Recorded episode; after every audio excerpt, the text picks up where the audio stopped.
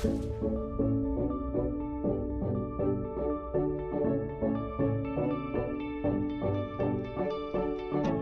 okay, guys, uh, jumpa lagi di Insist Talk podcast by Insist. Uh, gak terasa kita udah uh, episode by episode by episode gitu ya. Kalau kemarin-kemarin uh, banyak kan dari kita kita uh, yang ngomong gitu ya dari dari gue atau Bro Doni atau Bro Pierre gitu. Kali ini kita kedatangan tamu spesial.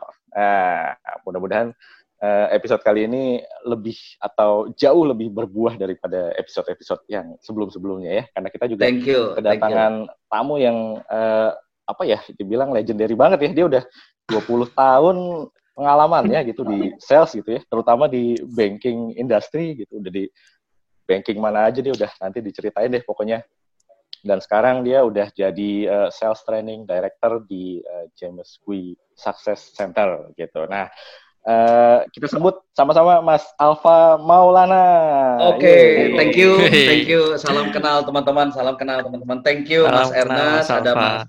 Ya, ya, ya, ya. Thank you Mas Fir semua. Yes, gimana? Yes. Nah, gini nih, kita kita uh, hari ini temanya kita bahas effective sales leadership in pandemic crisis. Gimana Mas Alfa kalau boleh diceritain gitu ya pengalaman-pengalamannya sampai sekarang mengantarkan ke Mas Alfa yang sekarang gitu. Oke, okay, oke. Okay. Thank you Mas Enes, Mas Doni dan Mas Pierre dan teman-teman semua ya uh, dari Insistok. Thank you sekali, terima kasih sekali udah mengundang saya. Ini memang saya kenal sama Mas Enes sudah lama banget ya. Udah dengar nama Insis juga udah lama banget ya. Cuma maka kemarin agak-agak surprise, seneng-seneng semeriwing gimana gitu. Tiba-tiba dapat undangan mau ngomong gitu. Ah itu udah seneng banget lah ya. Itu benar-benar luar biasa sekali kesempatannya. Jadi kalau dibilang legendary tidak lah ya. Dibilang legendary belum sampai ke sana. Cuma memang uh, dari tahun 98 saya di sales. Ya, dari tahun 98. Ya, kalau bicara pengalaman sedikit saya cerita uh, dari tahun 98 saya sudah masuk di bank. Uh, bank pertama saya BCA. Dan memang dari pertama di bank sampai dengan terakhir saya resign tahun 2012 itu saya selalu pegang tim. Ya, Wah. saya selalu pegang tim, tim sales ya. Dari BCA dari BCA pindah ke Danamon, uh, eh sorry dari BCA pindah ke Lipo Bank dulu, dari BCA ke Lipo Bank. Nah ketika Lipo mau merger dengan Niaga, saya lompat untuk nyelamatin sebentar ke Danamon, jadi sempat pindah ke Danamon juga, ya. Biasalah itu karena faktor panik, karena saya di Lipo itu baru sekitar satu tahun hampir dua tahun, lalu ada isu merger, nah mungkin itu panik, takut dan segala macam lah ya, lompatlah ke Danamon sebentar. Nah, ketika saya udah di Danamon sekitar dua tahun, nah, atasan saya direct report saya dulu yang di Lipo itu naik dua level ke atas, jadi dia L1 di bawah direktur utama. Nah, uh, beliau telepon saya lagi untuk saya untuk join kembali dan di situ namanya udah CIMB Niaga, udah bukan Lipo. Jadi dari oh, iya. uh, dari Danamon saya ditarik lagi dan ini perubahan saya terbesar yaitu saya diberikan tanggung jawab pegang division head. Nah, kalau div head itu di CMB Niaga itu L3 atau layer 3 di bawah direktur utama. Ya, jadi pada saat 2011 itu masih Pak Arwin Rashid ya. Nah, jadi uh, direktur utama ada di bawah persis itu L1-nya itu disebut dengan uh, apa namanya head of ya. Yang di bawah head of itu group head, head of sales terus group head sales. Nah, di bawah group head itu adalah division head. Nah, saya posisinya di L3 hmm. itu di division head. Ya. Nah, saya bertanggung jawab memegang satu divisi direct sales ya direct sales nah di bawah saya organisasinya itu jadi uh, di bawah divide itu ada sales manager di bawah sales manager ada supervisor di bawah supervisor ada team leader di bawah team leader hmm. baru hmm. agent direct sales ya dan saya oh. pegang nasional 450 orang kurang lebih ya 450 hmm. orang ya target saya terakhir di Seminiaga itu tahun 2011 itu satu triliun ya satu triliun. Oh, okay. Nah ini yang ceritanya seru banget uh, Mas Doni sama Mas Ernest. Hmm. 2011 Agustus itu target saya baru 35 persen. Ya, wow. 2011 target saya baru 25 persen, eh 35 persen atau baru 350 m.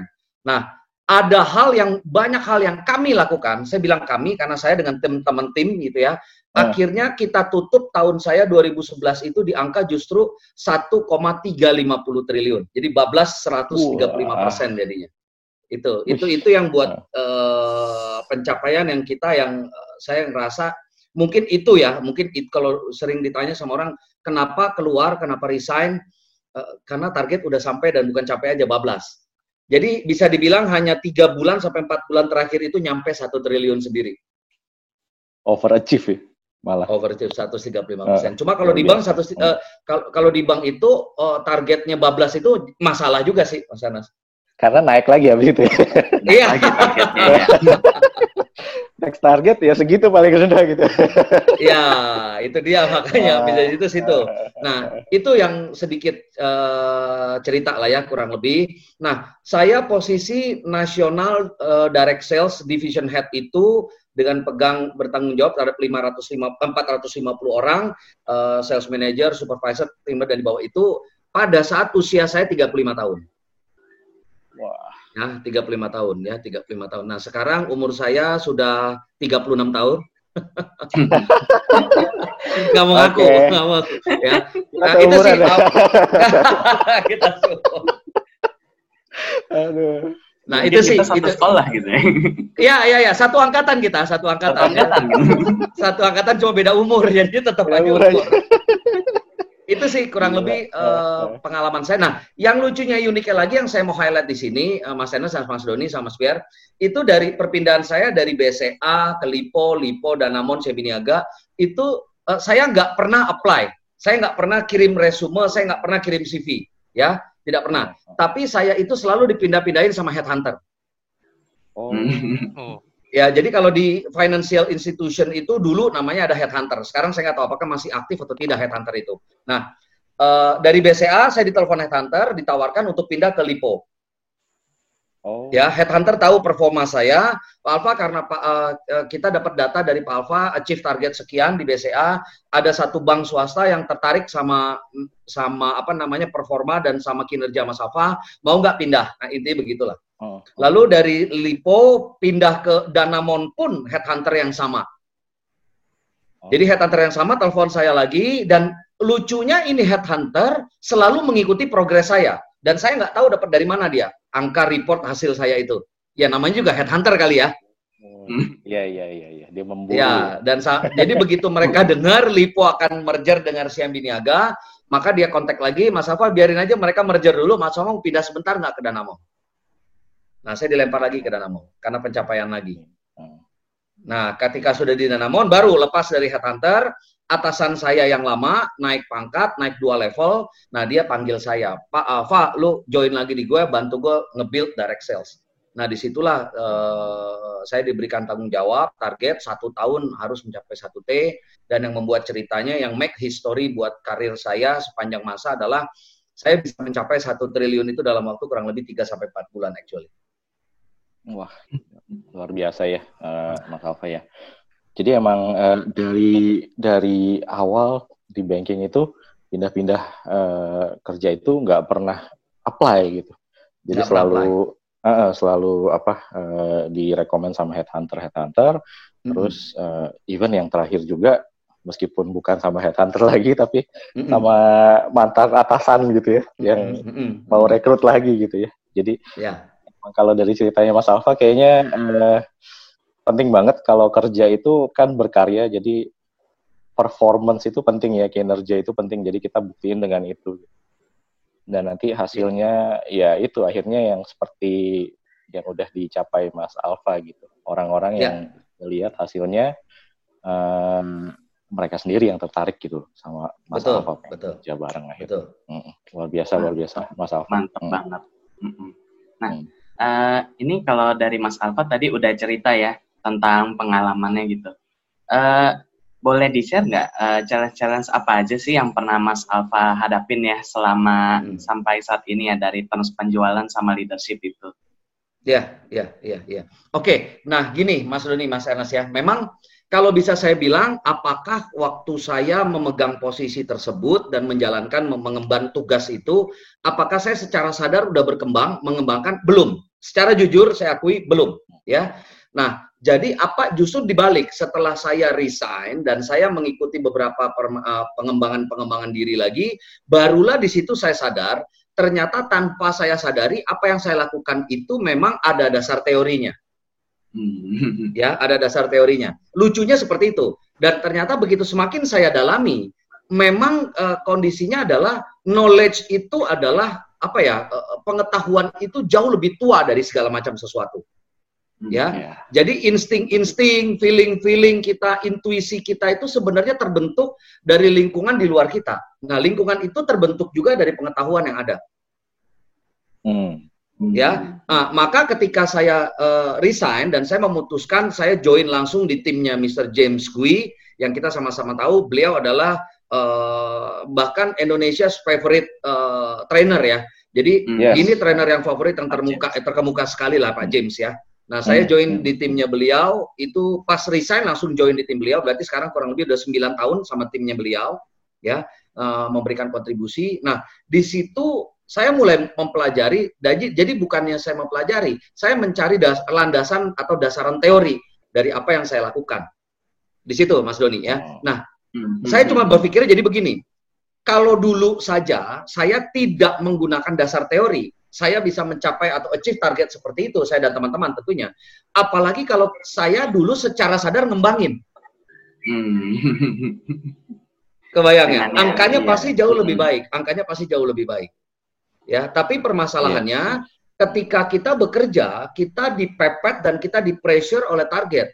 Hal yang paling sering kita tinggalkan adalah pelatihan. Hmm, hmm, hmm. Ah iya betul. betul. Terlalu fokus Setuju. ngejar target ya.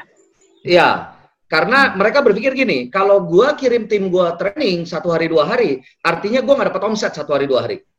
Hmm, hmm, hmm yes. Ya, padahal eh, kita juga tahu bahwa kadang kita ketika kita ingin melompat ke satu ada satu lubang di depan kita, lo, lubangnya itu semakin semakin besar, pasti memaksa kita untuk mundur, ambil ancang-ancang baru lari, baru lompat.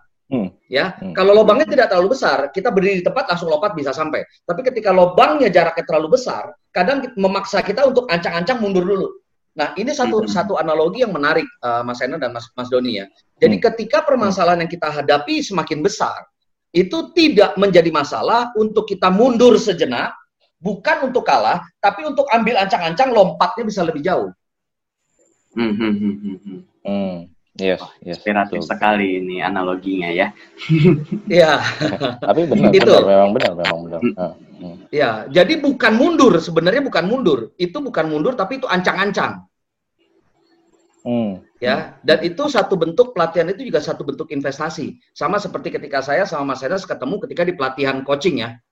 Mhm. Ya. Caranya nih. Oh ya Mas Mas Alfa ya. I, remember those old days ya. Iya. Iya. sama Mas Alfa. Gitu sih, gitu gitu Mas Doni. Silakan, silakan. Oh berarti memang challenge-nya itu adalah uh, sebenarnya lebih ke arah pengembangan dirinya ya, karena dulu memang ketika ya istilahnya ketika sedang bekerja itu memang terlalu fokus sama target, ya terkadang kita juga tak boleh melupakan ada yang namanya pengembangan diri berarti ya. Ya, ya. Mm-hmm. Atau gini, saya share share screen boleh ya, Mas Enes, Mas Doni ya? Boleh banget, boleh banget. Boleh, boleh, boleh. Oke, oke. Okay, Ini bisa di enable uh, hostnya, enable saya biar bisa saya bisa share screen. Oke, okay, Pak. Ya. Uh, jadi gini, sebenarnya apa yang saya bahas tadi terkait dengan kita mundur dulu baru lompat itu dalam dalam ilmu manajemen itu disebut dengan proses, Mas Doni dan Mas Enes ya. Mm. Nah, yes. sering kali kita karena uh, kejaran atau himpitan target dan kompetisi, kita melupakan proses. Ya, kita mm. mau semua itu serba instan. Memang masa sekarang zaman itu zaman instan. Mm. Semua diinstanin. Mm. Bukan cuma Indomie sama kopi aja, semua diinstanin. Semua ya instan ya, betul. Semua mau instan. Semua berpikir dengan uang itu bisa dibeli waktu. Hmm. Hmm. Ya, hmm. nah tapi kalau saya mau share screen di sini ada satu ada satu quotes yang menarik sekali ya ini nih Mas Ernest dan Mas Doni ya. Ada satu quotes hmm. yang menarik banget nih ya dari Abraham Lincoln sekali saya ambil di sini. Kalau menurut Abraham Lincoln gini, kalau saya dikasih waktu 7 6 eh, jam ya untuk uh, nebang pohon, untuk chop down a tree, saya akan menggunakan 4 jam pertama saya untuk ngasak kapak. Uh, ini agak lucu sih, ini agak kontradiktif ya, ini agak kontradiktif dibanding dengan orang yang mau instan kan gitu ya. Mm-hmm, Waktu yes. kerja dia 6 jam, empat jamnya dipakai untuk mengasah ilmu. Mm, mm, mm. Jadi sebenarnya waktu yang dibutuhkan hanya dua jam. yes. Hmm. Ya, waktu yang dibutuhkan hanya dua jam. Nah, tapi permasalahannya kita itu sering ke jadi gini, karena kita kurang memahami tentang pentingnya sebuah proses, akhirnya enam jam itu kita pakai buat bekerja full. Hmm, hmm, hmm. Oh. Nah, sementara kampak itu nggak pernah dicas, nggak pernah diasah. Nggak pernah Handphone pun diasah, juga ada habisnya. Betul. Nah, tapi betul. jadi permasalahannya sekarang bukan trinya, tapi kenyataannya ke kita, ketika kita sudah menebang pohon, itu pohonnya itu nggak nggak bisa kita nggak nggak nggak nggak bisa nggak bisa roboh, kita langsung berpikir bahwa oh ini pohonnya kegedean kali. Hmm. Iya, iya, iya. Kita nggak nggak berpikir balik bahwa kapaknya yang bermasalah. Ya, Iya, sehingga sangat mudah sekali ketika industri apa pun deh, jualan kurang meningkat, pasti yang disalahin dengan produknya. Ini produknya busuk nih, kurang bersaing, kurang agresif, selalu begitu. Hmm, hmm, hmm. Iya, sering, sering, sering. Kasus kayak Ya, gitu. tapi berapa dari kita yang kita memahami bahwa ya orangnya yang nggak bisa jualan, intinya begitu. Yes. Nah, apa yang saya dapat pengalaman, Mas Doni dan Mas Ernest, saya pernah di BCA, saya pernah di Lipo, saya pernah di Danamon, saya pernah di Siambiniaga terakhir saya. Di empat bank tersebut, lucunya selalu saya temui sales yang nggak bisa jualan. mm. Ya, tapi ketika saya pegang pelatihan sekarang, ada orang bilang, Pak, kan eh, perusahaan kita eh, bukan perusahaan top 5, Pak. Bagaimana kita bersaing dengan perusahaan yang top 5? Wajar dong kalau kita jualannya tidak setinggi yang top 5. Saya bilang begini, saya pernah di BCA. Ya, hampir semua orang pasti punya rekening di BCA. Yes, betul. Ya. Sangat mudah menjual produk BCA. Tapi kenapa ada tim saya yang tetap nggak bisa jualan tuh di BCA? Walaupun ada di BCA ya. Walaupun di BCA. Hmm, Lalu saya pernah masuk ke Danamon. Secara Danamon dibanding BCA jauh sekali rankingnya. hmm. Saya temui juga orang di Danamon nggak bisa jualan. Tapi ada juga yang berhasil. Saya, angka saya nggak pernah di bawah 100% pencapaian. Selalu di atas 110. Hmm. Jadi saya sudah pernah di BCA, target di atas 100, pencapaian di atas 100, pindah ke Lipo, pencapaian di atas 100, pindah ke Danamon, pencapaian di atas 100, pindah ke Siambiniaga 135 persen. Berarti kalau melihat kondisi seperti ini kan terbukti ya, eh, eh, Mas Enes sama Mas Doni ya. Sebenarnya yang Hmm. membuat saya sukses itu bukan ini bukan sombong loh ya, ini bukan sombong, ini historical. Yes, ah, betul. ini betul, skill, betul. ini skill dan ini proven gitu ya. Kalau saya Hmm, pernah di hmm. BCA, saya pernah di Lipo, saya pernah di Danamon, saya pernah di Siambiniaga dan di empat bank tersebut yang secara notabene kulturnya beda, terus eh, target marketnya beda, saya bisa tetap berhasil. Permasalahannya sekarang apakah yang membuat saya sukses karena produknya atau karena perusahaannya atau karena kita sendiri? Karena kapaknya ini tajam banget ya. Kurang lebih begitu, kurang lebih Kapaknya Mas seperti itu. Alba ya. Iya, jadi Mas Alfa kalau diibaratkan kapak itu udah Wah. runcing banget gitu. Soalnya udah diasah terus-menerus berpuluh-puluh tahun gitu ya. Iya, Wah. tapi kadang kita, tapi kadang kita begini loh, Mas Enes. Bener nggak nih? Koreksi kalau saya salah nih ya. Kadang-kadang Yes, yes. kita tahu permasalahan di kapaknya, tapi solusinya dicari kapak yang kekinian gitu loh. Hmm. Bukan diasah Oh. kapaknya, tapi dicari kapak yang keren. Cari kapak yang keren. Nah, Balik Contoh, lagi contoh ilustrasinya gini. ya. Contoh balik kayak gini. Cari eh, orang yang lulusan dari universitas ternama di dunia. Hmm. mm, mm, mm. ya dari universitas tertentu wah ini universitas nomor satu di dunia di dunia nomor satu tapi lucunya ironisnya ketika orang tersebut masuk ke perusahaan kita apa yang apa yang disikapi oleh atasannya atasannya mulai memberikan arahan apa yang harus dia lakukan di Hmm. perusahaan itu Mm, kan lucu ya mm. kita hire orang dari perusahaan nomor satu da- dari universitas nomor satu kita cari yang eh, eh, IPK-nya eh, cum laude berarti ini orang udah high Yes. quality lah kan gitu ya Hmm. Yes, tapi yes, ketika yes. masuk ke perusahaan kita, langsung di brief. Ingat ya, Faya, di perusahaan kita begini, begini, begini, begini, begini. Lo jangan lakukan ini, lo lakukan ini, lakukan. Kalau memang cuma mengikuti arahan kita, kenapa lo cari orang yang speknya ketinggian gitu? Yes. Malah ditarik ke bawah ya benar. itu ya. Harusnya orang-orang ini setelah masuk di perusahaan kita explore kemampuan dia yang kita cari. Oke, berdasarkan kemampuan lo, lu coba gue kasih waktu seminggu, lu lihat celah kita di mana, apa yang harus kita lakukan. Kan begitu harusnya. Mm -hmm. Tapi ini sebaliknya, begitu masuk, malah dikasih tahu, dibebanin, dijejelin langsung apa yang namanya budaya segala macam. Mau nggak mau mereka beradaptasi dengan lingkungan. Akhirnya orang-orang yang baru-baru yang membawa yang harusnya membawa uh, uh, oksigen baru, darah baru atau darah segar, ide-ide segar itu kecampur dengan orang yang sudah lama. Iya, betul, betul. Malah malah maka, ngikut ke bawah kondisi perusahaan yes. lingkungannya ya. Malah diaduk iya. kayak gini ya. iya, maka akhirnya mulai mulai mulai ada satu ada satu ada satu apa ya namanya? Ada satu kondisi mengatakan gini, "Ah, universitas tidak mempengaruhi." Begitu. Iya. Kelulusan tidak mempengaruhi katanya. Ya betul, memang itu tidak mempengaruhi. Yang paling pengaruh adalah bagaimana si pemimpin di perusahaan itu menyikapi hal tersebut. Betul sih, saya setuju. I see, I see. Iya, iya, iya, iya. Mm-hmm. Benar juga sih.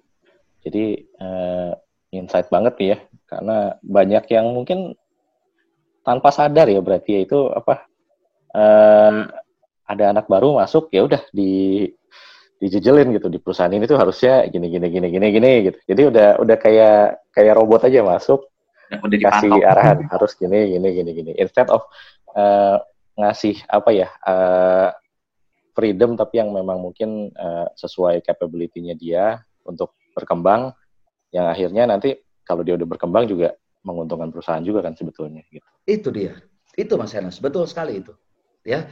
Maka sering kali juga anak-anak muda pun, milenial pun itu dibahas menjadi seolah-olah kendala, hambatan untuk eh, untuk perusahaan berkembang. Kan lucu ya? Iya. Uh, benar banyak banget. sekali, banyak uh, sekali tuh simposium, pelatihan-pelatihan bagaimana menyikapi milenial. Kenapa milenial yang dibahas? Kenapa nggak Gen Y dan Gen X yang manusia dari zaman batu? Kan gitu. yang jelas-jelas harus ini ya apa? Uh, perlu effort lebih buat uh, menyesuaikan diri sama kondisi sekarang gitu ya. Iya, tapi lihat deh. Zaman ini. tapi benar nggak ya? Mas Mas Dodi, Mas Pierre dengan Mas Ena coba ada pelatihan deh ya. Selalu ada angkatan saya, angkatan saya loh ya. Berarti sekarang umur yang 45, 50 ke atas, bikin simposium, bikin seminar tentang bagaimana berkomunikasi yang efektif dengan kaum milenial. Tapi saya nggak pernah lihat kelompok milenial bikin simposium, simposium bagaimana menyikapi Gen Y dan Gen X atau Gen Z yang nomor di atas. Nggak pernah ada. Mantap. Itu pasti nuncep tuh di hati beberapa orang tuh. Kenal kenal iya. sama. Uh, uh. Jadi uh, apa sesama entrepreneur lah gitu. Mereka punya tim hmm. itu banyak kan milenial gitu. Sama ngalamin hmm. juga. Cerita-cerita hmm. gila susah ya sekarang kalau anak buah milenial kayak begini nih, anak-anak zaman sekarang nih. Gak bisa lu lu suruh kerja kayak gini-gini itu gak bisa. Mereka tuh maunya instan gini-gini. Wah, udah pokoknya curhat-curhat tentang milenial. emang emang bener Iya, sementara kita bilang maunya instan, maunya instan. Orang milenial beda lagi ngomongnya. Lu ada cara gampang lu mau cari yang susah kenapa sih yeah. kan gitu ya bener, komunikasi di sini ya ya nah ini ini akhirnya nyangkutnya ke leadershipnya yes ke leadershipnya dan itu ironis sekali loh Mas Ernest sama Mas Doni ya semua itu ironis sekali ya kita di depan orang milenial kita membahas bahwa seolah-olah milenial ini kendala di depan mereka, di depan mata mereka. Kita bilang seperti itu. Berarti mengakui bahwa kita kesulitan menghadapi mereka. Padahal yang melahirkan mereka itu kita loh. Nah, iya juga ya. ya. Benar juga. juga. Itu kan anak-anak kita, Mas Anas. Iya, iya, iya, iya, benar, benar, benar, benar. Ya, itu anak kita. Bagaimana kok ada ada ada orang tua yang uh, yang yang bingung uh, ngatasin si anak kan gitu ya? padahal uh, dia yang melahirkan gitu ya. Mm Ya mantap ya, balik lagi nanti ke leadership jadinya. Jadi gimana gimana cara uh, leadership kita uh, mengelola anggota-anggota tim kita yang milenial dalam tanda kutip ya gitu. Ya, ya, ya. Hmm. Itu kurang lebih. Mas Mantap deh insight-nya, Mas Alfa. Keren. Uh, terus uh, sekarang kan lagi pandemi. pandemi ini ya, udah udah lama nih, udah udah berapa bulan Indonesia masih uh, ya nggak tahu lah ya kalau dibilang puncaknya juga kayaknya belum gitu masih naik terus gitu jadi kondisi itu masih serba nggak pasti gitu loh nah ya. uh, dari seorang ahli sales seperti Mas Alfa nih uh, sudut pandangnya gimana nih tips-tips uh, kita kita nih pengusaha ataupun uh, sales force di perusahaan yang sedang nemuin kendala di masa pandemi ini ada tips-tips tertentu nggak tips khusus nggak buat tetap apa menunjang performance salesnya? Oke, gini uh, Mas Enes ya dengan Mas Doni ya. Pertanyaan kita begini, sebelum saya jawab ke sana, ini kita, kita terjadi kan ada krisis ya, ya, yes, yes, ada krisis yes. sebenarnya. Nah, tapi kalau kita mau ngelihat sedikit ke belakang, ya, mau ngelihat sedikit ke belakang itu, pertanyaannya menjadi begini, pernah nggak dalam bisnisnya Mas Ernest dan Mas Doni menjalankan perusahaan Insis ini, pernah nggak ada waktu satu tahun itu tidak diganggu sama faktor eksternal? Dalam artian kita berbisnis itu stabil, nyaman, nggak ada masalah. Nggak pernah. Kalau saya ingat, kalau saya ingat tahun lalu, kalau saya ingat tahun lalu, hmm. Jakarta diserang banjir. Betul, betul. Hmm. Banjir luar biasa, sampai pool bluebird kita lihat di, di sosial media itu tenggelam semua rata. Hmm. Ya, selalu ada. Lalu kalau saya balik zaman saya dulu tahun 98 ada krisis moneter. Yes. Lalu pada saat zaman politik pilkada dan pilpres kemarin ada kerusuhan. Hmm demo ya jadi, di mana-mana. Iya, ya. iya, memang. Selalu jadi ada tiap, sih. Selalu ada. Jadi setiap tahun tuh selalu ada primadonanya. Ada cerita ya. Selalu ada cerita. Ya, permasalahannya yes. bukan begitu. Permasal Jadi gini, kondisi eksternal itu tidak bisa kita monitor dan tidak bisa hmm. kita kontrol. Ya, ya. bagaimana bisa uh, uh, kondisi eksternal itu kita kontrol? Karena kita pun nggak tahu apa yang akan terjadi. Hmm ya. Hmm. Tapi pertanyaannya ada dua, berarti ada faktor eksternal dan faktor internal. Kalau kita, jadi kalau kita melihat kemarin, saya kemarin melihat itu papa, paparan dari gugus percepatan COVID. Ya. Dia bilang gini, ini menarik sekali nih, uh, Mas hmm. Enes sama Mas Doni, bahwa yes. COVID itu tidak bisa dihilangkan, tapi bisa dikontrol. Hmm. Nah, kontrolnya bagaimana? Kontrolnya itu adalah dengan menjaga kesehatan. Jadi balik lagi, faktor eksternal dikontrol itu bukan menyikapi faktor eksternal, tapi mempersiapkan internalnya. Oh, hmm. oke. Okay. Jadi kalau kita ngomongin, iya ya, jadi pandemi itu nggak bisa kita kontrol. Kalau mau di manage, dikelola, yang dikelola bukan faktor eksternalnya, tapi lebih kepada internal kitanya bagaimana. Oh. Hmm. Jadi mengelola internal kita untuk menghadapi eksternal gitu ya. Yes. Contoh gini ya. Hmm. Jadi begini, kalau memang di luar itu ada pandemi yang tidak jelas kapan selesainya, apa akan terjadi. Nah, pertanyaannya bukan itu, karena itu di luar faktor kita. Tidak ada yang bisa memprediksi. Semua, seluruh dunia kehantam. 215 negara, itu menurut informasi dari Presiden Jokowi. Hmm, hmm, 215 negara. Kalau kita bilang 215 negara, berapa ratus juta orang yang kena. Dan itu ada orang-orang hmm. pinter di dalamnya. Yes. Yang jauh lebih pintar dari kita. Mereka pun nyerah. Hmm. Nah, berarti hmm. dalam kondisi ini adalah pertanyaannya bukan bagaimana mengatasi pandemi, bukan. Nah, saya ambil satu quotes-nya dari Peter Drucker. Peter Drucker bilang begini, ketika menghadapi turbulence, yang paling berbahaya adalah bukan turbulence-nya, tetapi adalah pola pikir yang kita masih gunakan sebelum masa turbulence itu masih sama. Itu yang paling bahaya. Hmm. Jadi pas ada masa pandemi, tapi pola pikir kita masih ber, masih berpikir yang sama sebelum masa pandemi. Iya, iya, iya, ya, betul. Hmm. Krisis sudah terjadi nih, tapi kita masih berpikir bahwa krisis ini punya salah orang nih, harusnya nggak benar nih krisis begini nih. Jadi cara-caranya masih cara yang sama, solusinya juga masih solusi yang sama berubah ya. ya, jadi menurut Peter Drucker ketika turbulence terjadi, ya hal yang paling berbahaya bukan turbulensinya, tapi pola pikir masih eh, pola pikir yang kita gunakan masih sama ketika turbulence itu belum terjadi. Itu yang paling bahaya. Hmm. Ya, ya, ya. Berarti sekarang bukan pertanyaannya adalah bagaimana bukan bagaimana menyikapi pandemi, bukan. Apa persiapan kita? Karena tadi kita tahu bahwa setiap tahun selalu ada primadonanya.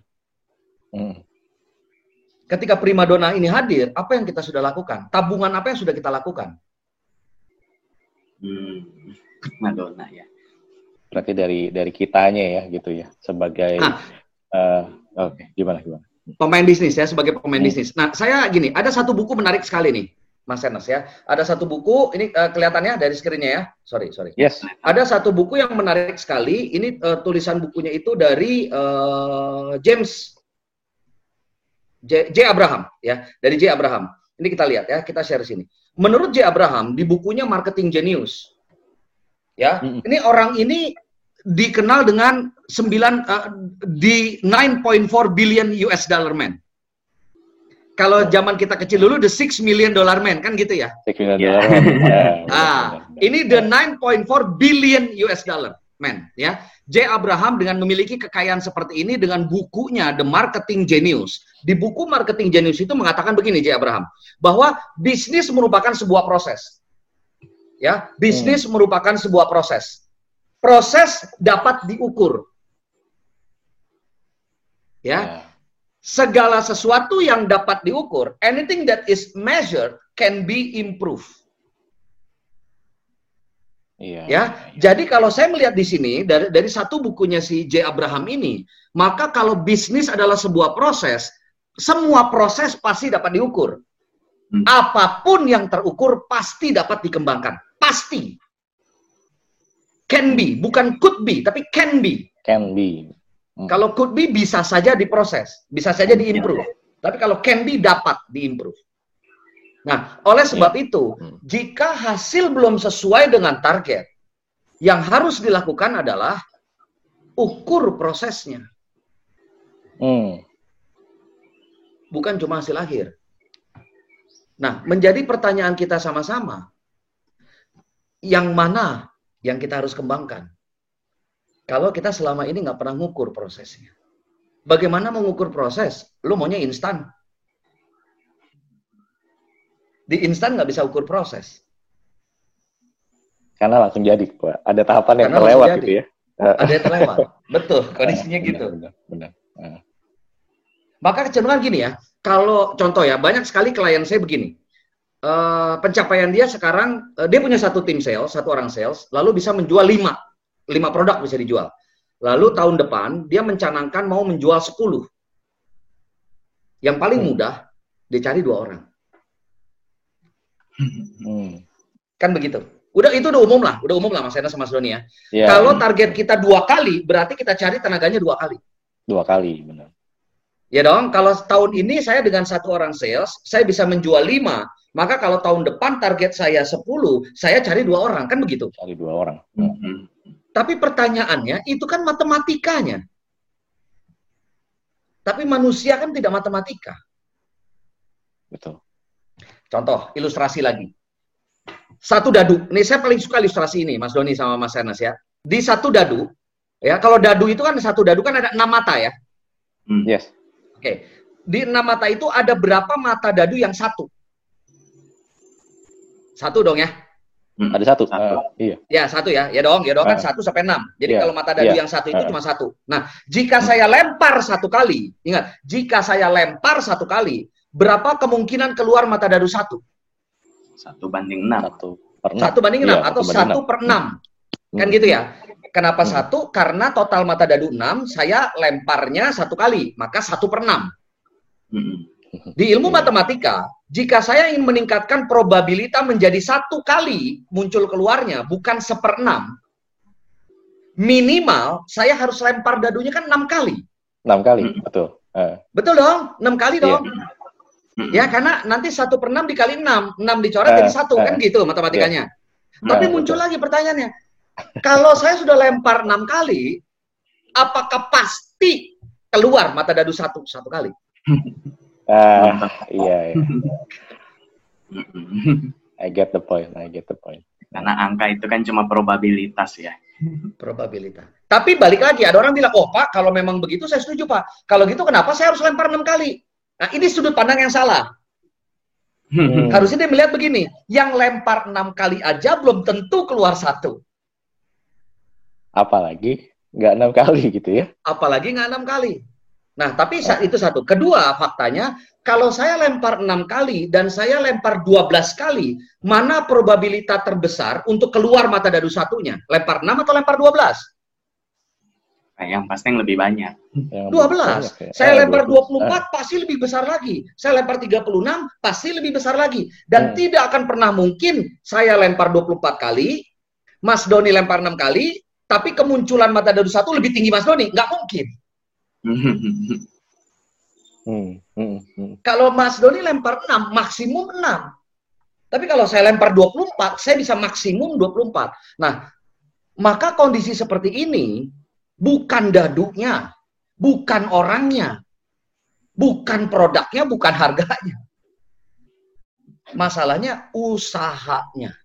Iya, usahanya.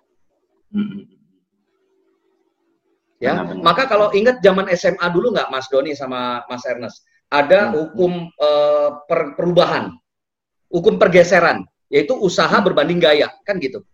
Iya, hmm. waduh fisika ya. ini. Ya, ilmu fisika ya. Usaha berbanding gaya. Jadi pergeseran barang itu tergantung usaha berbanding gaya. Kalau usahanya lebih besar dari gaya, pasti perubahannya semakin jauh. Kan begitu? Mm-hmm. Nah, kebanyakan orang sekarang banyakkan gayanya dibanding usahanya. ya, ya, ya, ya. Jadi kalau kita mau berubah, seberapa besar berubah kita itu kita hitung bukan gaya kita tapi usaha, usaha kita. Uh. Maka sekarang berarti kalau masanya pandemi ini, kalau masanya lebih sulit, berat beratnya lebih berat. Apa yang harus dilakukan? Usahanya diperkuat. Usahanya. Yes dong. Kalau saya dorong dorong benda yang 10 kilo dengan saya dorong benda yang 50 kilo, bukan tidak mungkin, masih mungkin usaha saya harus saya gedein. Mm. Hmm. Usahanya ya. Usahanya. Jadi probabilitasnya meningkat itu seiring dengan usaha kita kita tingkatkan.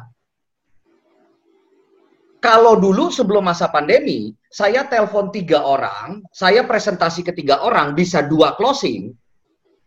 Tapi ketika pandemi, untuk dapat dua, mungkin saya harus ketemu sepuluh orang. Bahkan mungkin harus yeah. 20 orang. Bahkan mungkin harus 30 orang. Nah, jadi dalam masa pandemi ini, ya, bukan harga didiskon. Bukan orang dibanyakin, bukan. Tapi mentalnya ditebelin. Hmm. Oh, Mantap. Hmm. Mesti semangatnya juga tetap di, di ya, Semangatnya ditetepin betul. Ya. Yes. Dan ini akan seleksi alam kok, Mas Doni, Mas Ernest. Ini seleksi alam. Hmm. Hmm. Pak, pas hmm. masa pandemi banyak sekali lu uh, karyawan kita yang resign karena nggak nyampe target. Loh, ya berarti bukan karena resignnya, karena mereka nggak punya usaha selama ini. Kena seleksi Kayak alam. Contoh gini, ya. ya karena gini Mas Ernest contohnya. Saya itu apakah pandemi ngehantem bisnis saya dengan Pak James? Oh jelas iya. Tahun 2019 kemarin ada satu perusahaan yang saya sudah deal 38 batch tahun ini. Satu perusahaan. Nah ini truly, ini benar-benar ini benar-benar hmm. ini real. 38 batch, satu batch dua hari. Ya. Hmm. Begitu pandemi kehantem, semuanya batal. Wah, karena nggak mungkin ketemu, kan nggak mungkin ketemu. Iya iya iya. Lalu saya 9 tahun itu kelas itu secara langsung, Mas Ernest. Hmm, hmm, hmm. Saya nggak pernah sama sekali kenal yang namanya Zoom. Bahkan kita semua nggak pernah kenal yang namanya Zoom pertama kali. Betul nggak? Pas awal-awal. Ba tahu ya. Bahkan saya termasuk trainer yang ngatain trainer lain melakukan webinar. Ini ngapain sih orang webinar? Mana bisa sih orang kita webinar kan begitu ya? Eh, eh, eh, tapi setuju, begitu ini kehantam 38, tiga bulan nggak ada pendapatan, garing.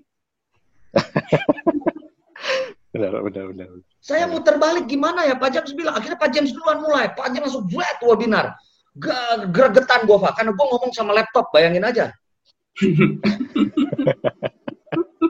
kayak ya. gini ya, ngomong sama laptop. Iya, kayak begini. Bahkan ada tiba-tiba ada suara ayam lah berkokok kan begitu. Iya, benar. Ada motor lewat gitu. Ada motor lewat lah gitu. Ada anak nangis lah kondisi begitu kan. Iya, iya, ada tukang iya. roti. Iya. Ada tukang roti, ada yang nempel di sini di sini gelewat-gelewat kan gitu. Waduh. In the background, di bawah layar nggak tahu. iya, jadi mau nggak mau akhirnya saya rubah keginian. Uh, uh. Tapi butuh waktu nggak? Yes, butuh waktu. Nyaman nggak? Tidak. Tapi ini bukan soal nyaman atau tidak. Ini soal survival. Yes. Uh. Untuk adaptasi ya. Mungkin kalau kalau sekarang kita nggak ada pandemi, kita nggak begini, kita live show aja langsung ketemu, kan begitu? Iya, Hmm. betul. Langsung Tapi datang ternyata- ke studionya Insis gitu. Yes. Ah, kalau Mas Ernest sama Mas Doni mau tahu, malah lebih produktif saya begini sekarang. Kenapa? Kalau waktu dulu saya masih offline, ya, saya habis kelas sekarang, misal habis kelas ini misalnya, misal habis sesi ini jam 10 atau jam setengah 11 nanti kita selesai ya.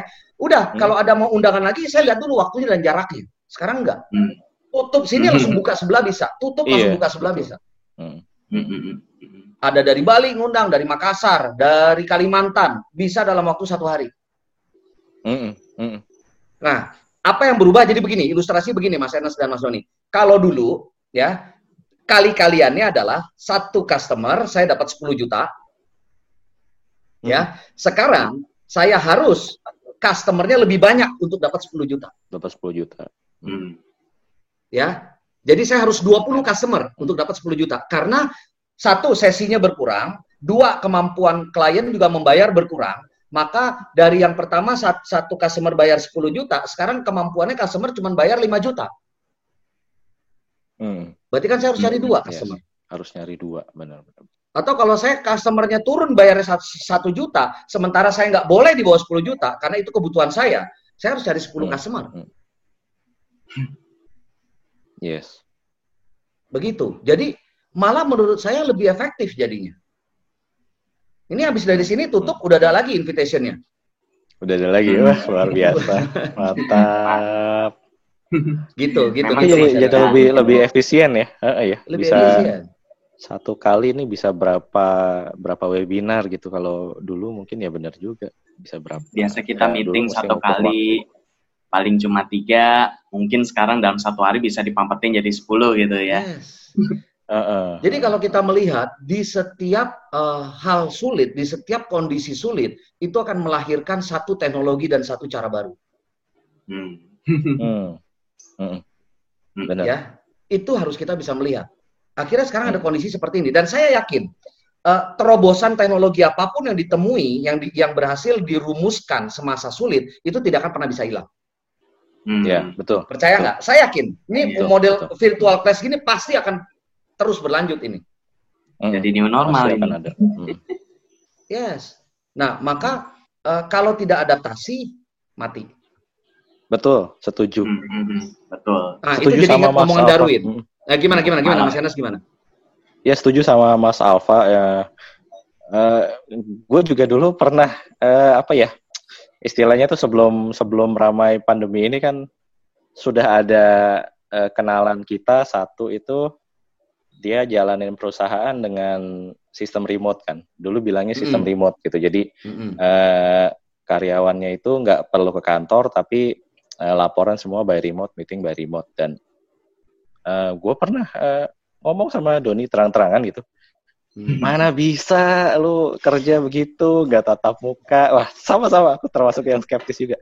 Even though dulu dulu Jepang udah mulai sebenarnya eh, ya akhir-akhir tahun lalu kan ya, eh, ya udah mulai tuh eh, mereka mulai eh, work from home sebagian gitu. Aku juga dengar di radio itu, mana bisa gitu lu kerja ya gitu gitu nggak mesti ketemuan tatap muka nggak dapet energinya gitu. Kena pandemi. Akhirnya sekarang eh, aku Ya. ngobrol juga sama si Doni itu.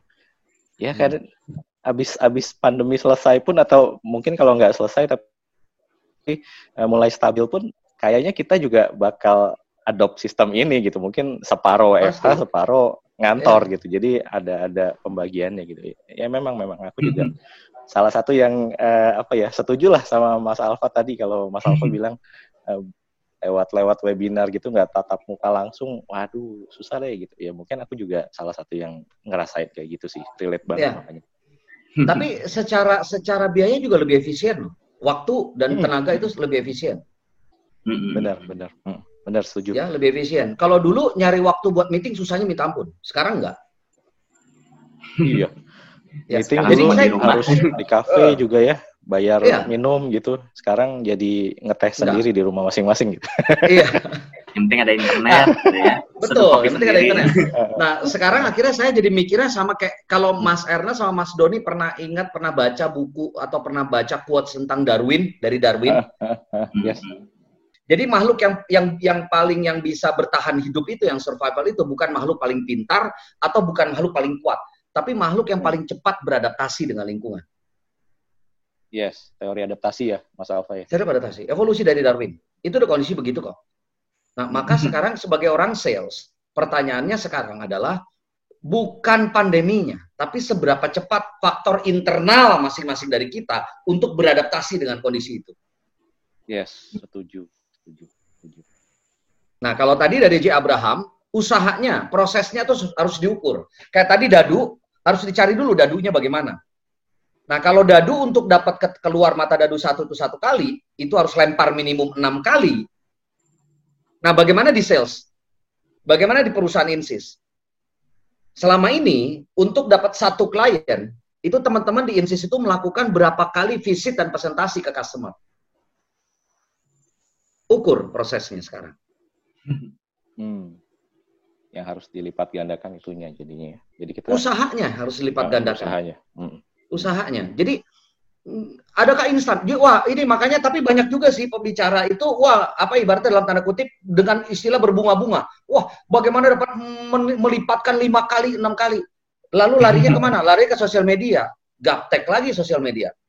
Belajar lagi gitu ya. Belajar lagi. Jadi mau lari ke mana pun permasalahannya bukan toolsnya, tapi permasalahannya adalah orangnya balik lagi. Orangnya. Usahanya ya. Usahanya Nggak masalah sosial medianya, Mas Ernest. Nggak masalah lewat uh, jualan, bagaimana lewat online jualan. Bukan. Tapi tanya dulu, sebelum kita mulai itu kita tanya, siap nggak kita belajar ke sana? Iya, ya, internalnya dulu disiapin ya.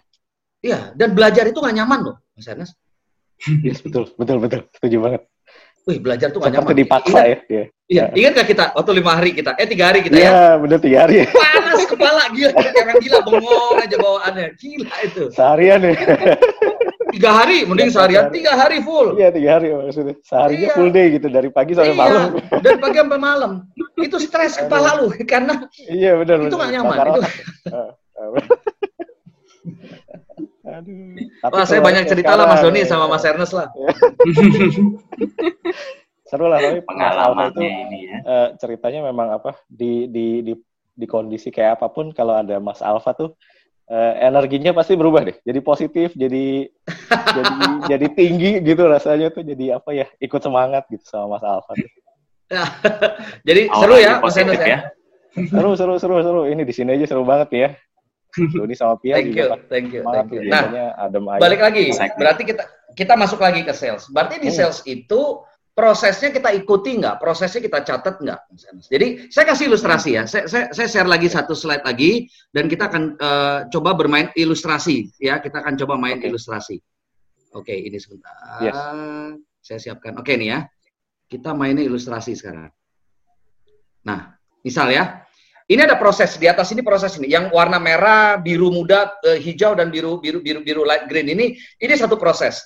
Jadi kalau di sales itu begini. Sama ketika kemarin sebelum acara ini kan Mas Enas lakukan telepon dulu ke saya. Bentuk call-nya itu adalah WhatsApp. Ya. Uh. Ya tanya, Mas apa? Uh, kita bikin acara yuk. Ayo, ayo, ayo, boleh deh. Nah, jadi bentuk yang dilakukan sama Mas Enas pertama adalah call. Yes. Ya, call untuk hmm. apa? Call untuk pertemuan hari ini, betul nggak? Hmm. Betul. Ya, telepon untuk pertemuan hari ini. Nah, pertemuan hari ini apakah akan akan running well atau tidak kita belum tahu. Yes. Tapi tugas kita adalah tugas Mas Ernest adalah untuk meningkatkan insis uh, brand insis ini, brand awareness insis. Uh, visit dan calling harus harus banyak, betul nggak? Yes, hmm. betul. Ya dong, pertemuan-pertemuan ini harus banyak, kan begitu? Setuju. Hmm. Ya, baru nanti dengan hasil pertemuan itu mulai muncul ada ide-ide baru, mulai muncul customer-customer baru yang nanti akan menjadi closing kan begitu prosesnya. Mm. Yes, yes, betul. Nah, tapi selama ini pertanyaannya, apakah kita sudah mengkotak-kotakan proses ini? Nah, itu dia. Mm. Nah. Ya, ini yang menurut si J. Abraham tadi kan, bahwa bisnis yeah. adalah sebuah proses. Mm -mm. Nah, ini proses nih, Mas Enes. Mm -mm. Ini proses.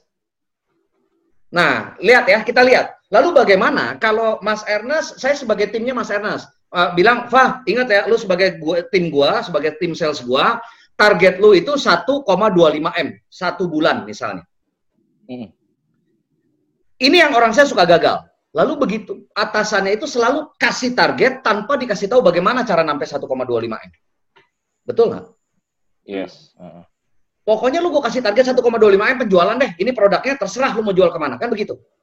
Mm -mm. Nah di sini saya akan kasih satu ilustrasi, Mas Enes, bahwa kita, saya mau membuktikan apa teori dari uh, uh, uh, J Abraham tadi. Dan satu for your info, ilustrasi ini bukan dari buku J Abraham tadi. Oke, okay, oke. Okay. Ini adalah sales proses saya di tim saya. Waktu tim funding saya begini. Oh, oke, okay, oke, okay, oke. Okay. Ya, jadi saya nggak kenal J. Abraham, saya nggak baca buku J. Abraham, tapi saya sudah mengerjakan ini. Tapi di, di buku J. Abraham, diminta saya coba lu, lu potong-potong, lu kupas satu persatu prosesnya. Hmm, yes. Nah, jadilah nih ya, target 1,25 M. Kita mulai hitung ke belakang. Hmm. Jadi nanti saya akan kasih lihat ke Mas Enes dan Mas Doni bagaimana target rupiah bisa kita hitung menjadi target harian aktivitasnya. Maka judulnya sales activity. Hmm. Oke. Okay, okay, Contoh, okay. misal target saya 1,25 m dikasih sama Mas Ernest. Produk apa pun lah, hmm. general ya, general produk ya. Nah, yes. kalau satu produknya itu harganya 100 juta, hmm. ya kalau harga satu produk atau layanan itu 100 juta, Berarti saya butuh berapa orang? 125. Enggak dong, 1,25 dibagi 1 juta. Eh, 13 dong. iya, 12. Ya, 12 12, ya, 13, 12, 12, 12, ya, 12 12 setengah, tapi 13. Berarti kalau produk atau layanan kita 100 juta, target saya 1,25, saya butuh 13 orang beli. Yes. Oke. Okay? Jika 13 orang beli ini atau jika untuk saya dapetin satu orang beli aja bukan 13. Jika untuk mendapatkan satu orang beli, itu saya harus ketemu atau itu adalah 25 persennya dari yang saya temui. Satu banding empat, Mas Enes. Yes. Ya, 25 persen satu banding empat kan? Mm. Mm. Jadi saya presentasi ke empat orang, satu dapat. Baru dapat satu. Uh -uh. Ya, nah kalau untuk presentasi uh, untuk dapat satu, saya harus presentasi ke empat orang. Target saya 13. Berarti saya harus presentasi ke berapa orang? Harus ke 13 kali 4 ya, berarti. 50. 52. 52, uh. Ya, 52, betul ya? Mm -mm. Jadi saya harus presentasi ke 52 orang untuk dapat 13 orang closing. Nah, pertanyaannya menjadi begini. Siapa yang mengharuskan saya presentasi ke 52? Bukan Mas Anas sebagai atasan saya, bukan. Yes. Karena kemampuan saya ketemu empat, dapatnya satu, kan dapatnya kan gitu? satu, uh, iya iya. Hmm. Kalau saya jualannya udah jago, presentasi skill saya udah hebat, saya ketemu empat bisa dapat empat, kan begitu? Hmm. Yes, yes. Sama dengan ilmu dadu tadi kan? Yes, sukses rate-nya lebih tinggi gitu ya? Ya, sukses rate-nya lebih tinggi. Uh. Sukses ratio, rasio ini ya, success conversion ratio, Nah, ini kan ketemu visit.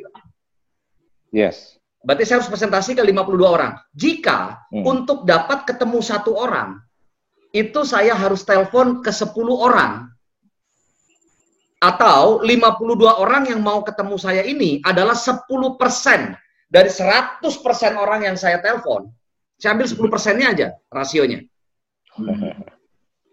Berarti kan saya harus telepon ke 520 orang ya? 500, iya 520 kali, 520 orang. Oke. Okay?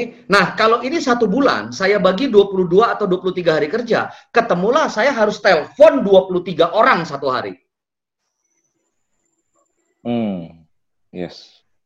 Nah, di buku J. Abraham, yang disebutkan dengan proses itu adalah yang rasio ini, Mas Doni dengan Mas Ernest. Hmm. Appointment rasio 10, success ratio 25. Oke? Okay? Oke, oke. Kita coba naikin prosesnya. Kata J. Abraham, kalau usahanya sudah diukur, tingkatin usahanya, hasil bisa naik. Kita coba. Rasio appointment-nya kita naikin jadi 20 persen. 20 persen dari 520 kan 104, betul nggak Mas Doni? Hmm, ya betul. Ya, lalu sukses ratio-nya kita jadikan naik 30 persen aja. Berarti hmm. 30% dari 104 itu kan 36 kurang lebih. Atau 35%. Hmm. Kita naikin 10% lagi aja. 35 hmm. orang. 35 dikali 100 juta. 3,5 M. Perhatikan, di rasio saya cuma naikin 10%, di sukses rasio saya naikin 10%. Hasilnya 3,25 M. Hasilnya naik 300%.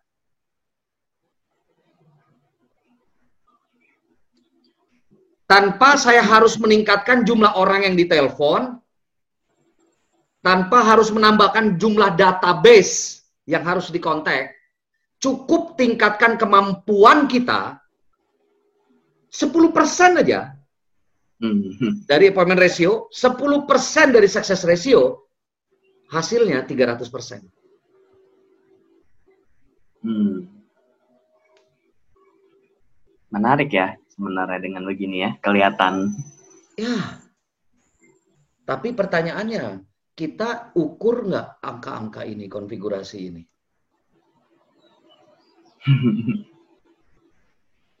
Betul sekali ini. Nah, insight banget nih ya. Jadi uh, kalau diukur ketahuan gitu.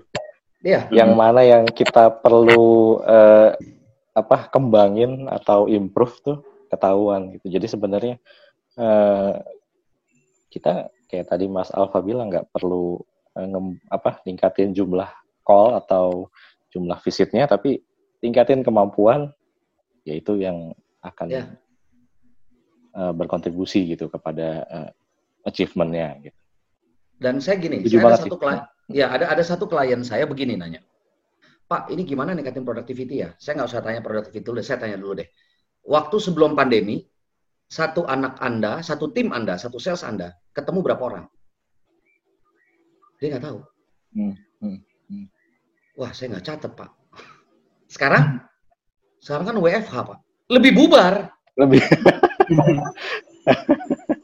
Jadi sekarang permasalahannya, coba ya, saya, saya, kita pakai logika tinggi aja deh, Mas Enes dan Mas Doni deh ya. Waktu belum pandemi, dia nggak tahu berapa orang yang ditemui sama timnya. Yes setelah pandemi WFH tambah nggak jelas ketemu orang atau enggak. Hmm. Lalu sekarang hmm. penjualannya menurun. Jadi penyebab penjualan menurun itu pandemi atau lu nggak ketemu sama orang? Iya, iya, iya. Ya. Terus alasan lagi gitu kan, ya? iya, tapi akhirnya mereka atasan kan mereka nggak mau ditemui karena pandemi, Pak. Yakin, Yakin yeah. semua orang benar-benar nggak mau ketemu? Yakin. Kok di luar masih banyak orang tuh? Dan ironisnya, ada satu cabangnya di perusahaan tersebut, saya pegang, iseng-iseng siang-siang, dia nelfon saya, saya bilang gini, Pak, gini Pak, coba lihat di ruangan Bapak, tim sales Bapak ada di kantor semua nggak? Nggak Pak, kosong dari jam 10 tadi. Oke, sekarang apa yang harus Bapak lakukan sekarang? Coba minta mereka share log. Hmm. Mereka ada di mana?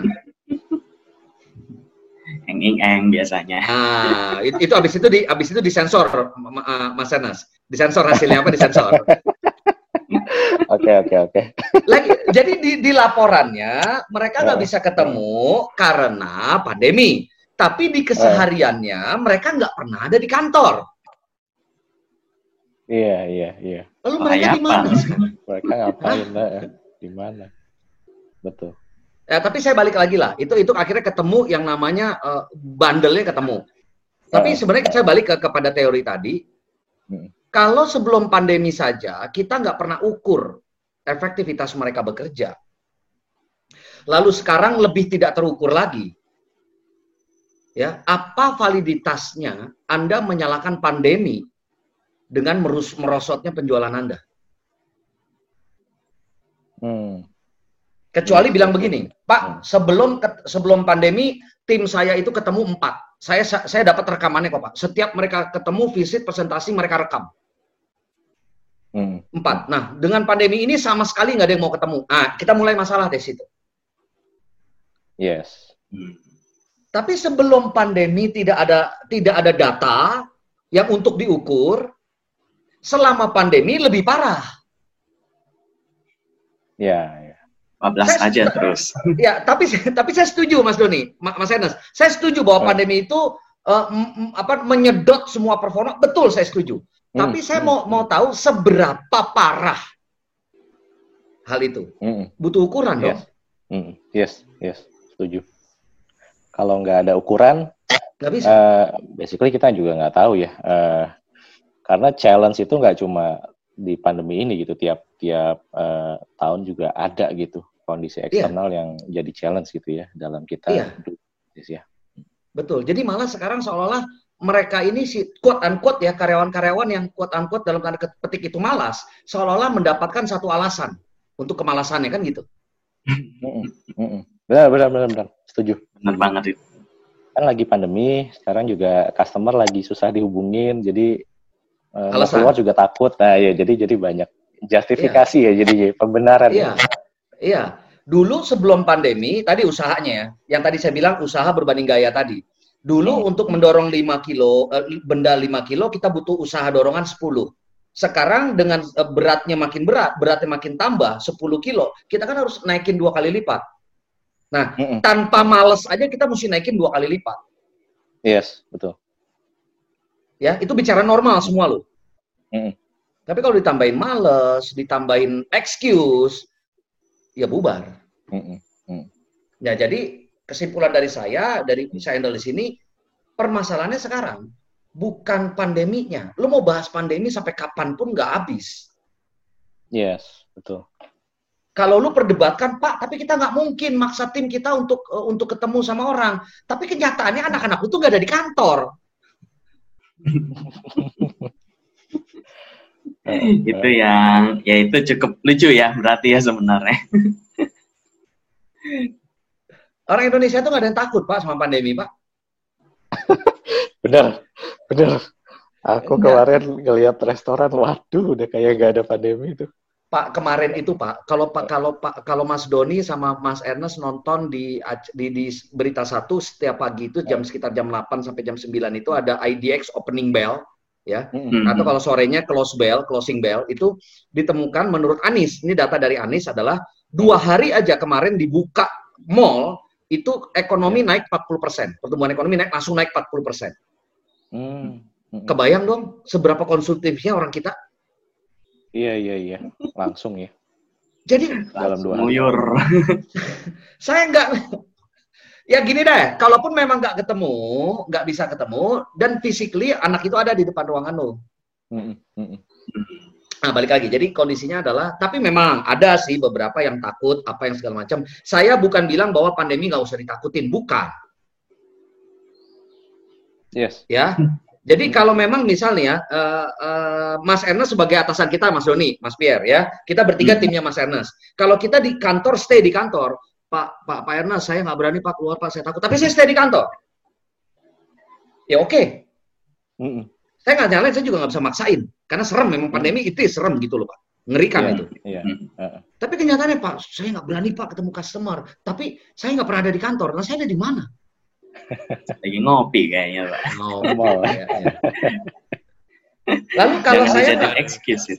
Nah, nah tapi jadi gini, kalau memang kondisinya tim itu standby di kantor, lalu diskusi ke saya bagaimana cara mengefektifkan dan mengefisiensi tim saya yang sekarang idle di kantor nih. Nah, yuk kita cari cara.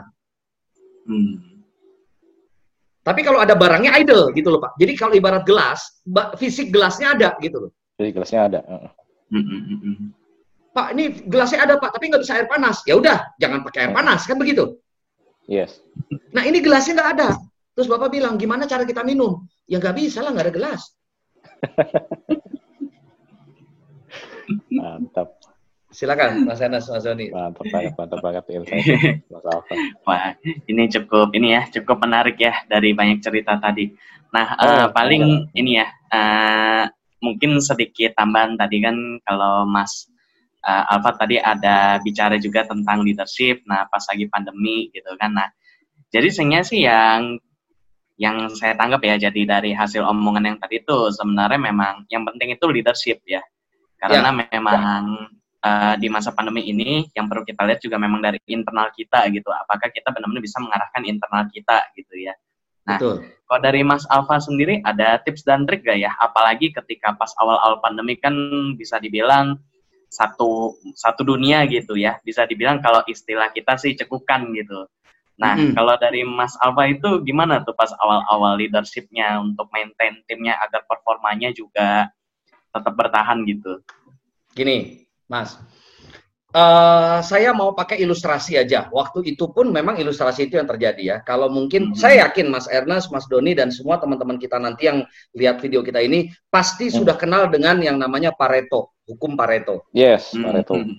Ya, hukum yang lama lah Pareto ya. Nah, hmm. saya mau sharing share screen lagi nih ya. Di hukum Pareto kan kelihatannya seperti ini. Ini kelihatan ya? Oh, sorry, sorry. Sebentar. Ya, kelihatan. Ah, sudah. Sebentar, sebentar. Saya kasih ilustrasi. Oh, slide-nya nah, banyak. Iya, ya. Ini hukum Pareto bahwa dikatakan hanya 20% saja dari apa pun di dunia itu yang memberikan kontribusi 80%. Pareto kan begitu. 80 to 20 hmm. rules. Ya, 80 hmm. ke 20 atau 20 ke 80. Jadi biasanya ya. kalau kita bekerja, waktu kita bekerja satu hari itu yang efektif itu tidak akan lebih kurang lebih hanya sekitar 20%. Oh, itu tested, Pak. Selama ini hukum Pareto ini belum ada yang bisa ngalahin, belum ada yang bisa ngebantah. yes, benar-benar, setuju. Ya, jadi saya pakai hukum Pareto ini. Ya, kalau mau kalau nggak setuju ya jangan bukan nggak setuju sama saya, ngomong aja sama Pareto kan gitu ya. Sama Pareto, ah, benar. ya dong. Nah, mungkin Pareto. ya Pareto udah meninggal, Bu Reto coba cari Bu Retonya. Adanya Pierto di sini. Ya, Pierto. Ya, gitu. Jadi hukum, hukum Pareto itu adalah 80 to 20 rules. Aturan main 80-20. Di setiap 20% dari populasi ya atau hanya 20% dari 100% populasi yang memberikan kontribusi sampai dengan 80%. Hmm, okay. Atau sebaliknya, berarti sisanya yang 80 hanya memberikan 20%. Kalau pertanyaan oh. tadi ya Mas Doni dan Mas uh, Mas Ernest tadi tanya, kalau gitu bagaimana dong tipsnya Mas Doni tadi bertanya untuk memanage tim bagaimana? Di tim pun terjadi begini Mas Doni. Hmm. Jadi mau nggak mau saya akui dari 450 orang tim saya kurang lebih itu hanya 20 hmm. persen yang memberikan kontribusi sampai dengan 80% pencapaian tim saya. Jadi 1,35 135% pencapaian saya itu 80 persennya dikontribusi hanya dari 20 persen orang. Hmm. Tapi bukan berarti saya nggak perlu yang 80 loh. Yes, yes. Kenapa? Karena saya umumnya belum bisa mengoptimalkan si 20 persen, kan begitu? Yes, betul. Kalau saya bisa mengoptimalkan kepada si 20 persen orang, seolah-olah saya nggak butuh yang 80. Kayak contoh gini ya, contoh gini ya. Ini kan di sebelah kiri ada 20, ada 80. Mas Doni ya, sama hmm. Senes ya. Nah, misal hmm. begini. Saya punya effort saya 100%. Nah, effort saya saya berikan pilih. Mau yang kepada 20% orang atau kepada si 80% orang. Misal, saya taruh ke, kepada si 20%. Jadi saya benar-benar dedikasikan semua usaha dan waktu saya 100% untuk si 20% orang ini. Hmm. Lalu si 20% orang ini bisa menyerap 100% yang saya berikan, lalu performanya meningkat 100% pula. Jadi 80% meningkat jadi 160% ya? Hmm. Yes. Oke. Okay? Tapi kalau saya balik, saya kasih kepada si, si 80%, lalu 100% usaha saya itu diserap 100% sama si 80, dan dia bisa meningkatkan 100% usahanya, paling maksimum 40%. Yes. Mm -hmm. Tapi kalau saya berikan kepada si 20 tadi, dia bisa optimalkan sampai 100%, dia sudah sampai 160. Yes. Kalau sudah sampai 160, pertanyaan saya, ekstrim, ekstrim thinking, perlu nggak sesi 80? Belum tentu perlu ya, karena udah... Udah 160? Udah 160 hmm. dari yang 20% itu aja. Iya, tapi usaha saya kan nggak bisa 200% Mas Enas. Usaha saya pasti yes. mentok 100. Hmm. Nggak ada usaha yes. 200%. Hmm, hmm, betul. Nah, ini Pareto loss. Nah, ini menarik. Ini hukum Pareto. Ini udah dari dulu kita tahu 80 to 20 rules. Nah, yes. tapi balik lagi, ada satu buku lagi. Ini bukunya nggak dijual di Amazon.com, tidak. Ini bukunya e-book, Mas Ernest dan Mas Doni. Hmm. Judul bukunya okay. adalah ini, buku tulisan karangan dari Ann Anderson, The Power of the 4% Rule. Oh. Menurut Ann Anderson, ternyata dari yang 20% ini berlaku lagi hukum Pareto lagi. Oh. Jadi dari 20% orang yang memberikan kontribusi 80, ada lagi yang 20 persennya lagi. Wih. Yang benar-benar motor penggeraknya. Mm-mm. Memberikan 80 persen lagi dari 20 persen itu ya? Iya, itu dia. Wah. Nah, 20 persen dari 20 persen adalah 4 persen. Uh, uh, uh. Jadi kalau kita bisa temui 4 persen dari tim kita yang benar-benar core dan inti, Uh, dia penggerak 80 persen dari semuanya. Hmm. Nah, tapi kan kalau bicara 4 persen, 20 persen kan harus ada hitungan. Yes, betul. Nah, hitungannya pakai tadi simulasi yang tadi. Measurement yang tadi ya. Yes. Hmm, hmm, hmm. The power of the 4% rule. Ini ini inti atom, Mas Enes. Ingat ilmu inti atom jangan fisika dulu ya. iya, iya. Ini inti atom. Nah, lalu bagaimana kita bisa menemukan intinya di sana, Mas? Mas Doni, jawabannya. Jadi Hmm. ternyata kalau saya kutak-atik kutak-atik report saya lagi zaman dulu ya, ternyata orangnya itu itu itu aja yang memberikan kontribusi terhadap pencapaian saya. Hmm. Tapi selama ini karena saya kurang mengetahui teori tadi, akhirnya saya pasti akan fokus kepada si 80. Karena saya berpikir si 20 udah bagus, nggak perlu saya handle. Udah, saya perbaiki aja 80 deh. Oh. Padahal ilustrasinya, kita fokus kepada si 80, fokus 100%, dia bisa berubah 100%, mentok cuma 40%. Nah, jadi PR-nya di segala lini. Kalau di kalau tadi Mas Doni tanya di manage memanage tim, berarti cari si 20% dan cari si 4%. Ya, di dalam memaintain customer kita pun dari 100% customer kita cuma ada 4% itu customer yang benar-benar eh, adalah loyal customer kita. Hmm. Cari customer kita itu siapa. Berikan pelayanan yang paling baik kepada mereka. Karena mereka sebenarnya yang memberikan kontribusi terbesar kepada revenue dan income kita sampai dengan sekarang. Itu sih Mas Doni dan Mas. Wah, mantap, mantap, mantap. Mantap. Pareto. Nah, ini ini ilmu yang kita tuh udah tahu, tapi eh, kalau nggak ketemu Mas Alfa gini, nggak dipakai gitu.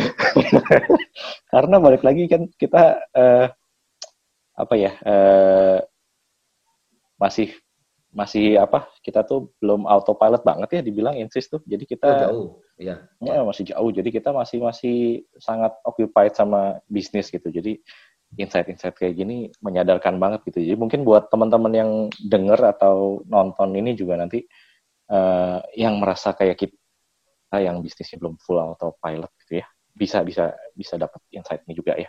Ini bagus Ya. banget sih, harus dibagikan gitu. Ilmu yang bagus banget Hmm. dari Mas Alfa ini harus dibagikan. Oke, Mas Alfa. Tadi waktu Yes. aku waktu Mas Alfa bilang buku-buku aku pikir mau bilang dari satu lagi nih buku yang nggak ada di Amazon ini buku 90 per 3 gitu Oh iya iya iya iya iya iya iya. Itu ada ada ada ada betul betul lah. Ada buku ada buku saya memang 90 per 3 itu saya sampai lupa promosi tapi nggak usah lah nggak usah dipromosi lagi lah sudah lah. udah terkenal ya udah udah banyak di Gramedia teman-teman bisa Iya. cari lah Mas Alfa 90 Iya iya itu 3. ada. Jadi saya ada dua apa? buku. Hmm. Ya, Hmm, saya udah gimana, ada dua buku juga. Thank you Mas Enas. Saya ada dua buku, Mas Doni. Buku pertama itu eh, bukan judulnya dua-duanya adalah 90 per 3. 90 per 3 itu satu ilustrasi, satu konsep, 90 hari, 3 bulan. Ya, Hmm. 90 per oke. 3, 90 hari 3 bulan. Ada apa dengan 90 hari per 3 bulan itu? Karena dalam waktu 90 hari atau 3 bulan tersebut, ya, saya bisa mencapai target 135%. Wah, mantap. Itu. Nah, Hmm. jadi ada bukunya kalau cari 90 per 3. Ya, itu searching aja di Gramedia masih ada. Bahkan di Gramedia yang eh, e-booknya pun sudah ada, ya. Hmm. Itu boleh di sana dan memang karena ka- kalau saya nggak promosikan dari tadi kenapa? Karena saya lebih baik kita gali sama-sama ilmu yang lain lah. Wah, mantap deh Mas Alfa. Mantap. Keren. mantap. Keren. Memang dari dulu motivasinya selalu berbagi gitu, berkontribusi. Salah satunya Ah. dulu Mas Alfa tuh pernah eh, jadi relawan sama saya juga dulu ya di eh, apa tuh eh, kelas inspirasi gitu. Jadi sama-sama lah. Jadi aku udah tahu lah Mas Alfa ini emang memang apa jiwanya tuh jiwa jiwa sharingnya tuh tinggi banget gitu. Hebat. Thank you. Setuju. Thank you. thank Salut you, selalu buat Mas Alfa. Eh gitu aja mungkin udah nggak terasa Yes. ya udah satu jam lewat dari dari tadi kita mulai opening gitu kita udah menyita waktu ya Mas Alfa sekitar satu jam jam lebih lah. Ini kita thankful banget dapat uh, ilmu-ilmu yang berharga. Episode kita kali ini sangat uh, padat ya dengan ilmu daging gitu ya istilahnya dari Mas Alfa gitu nggak nggak basa-basi langsung sharing ilmu.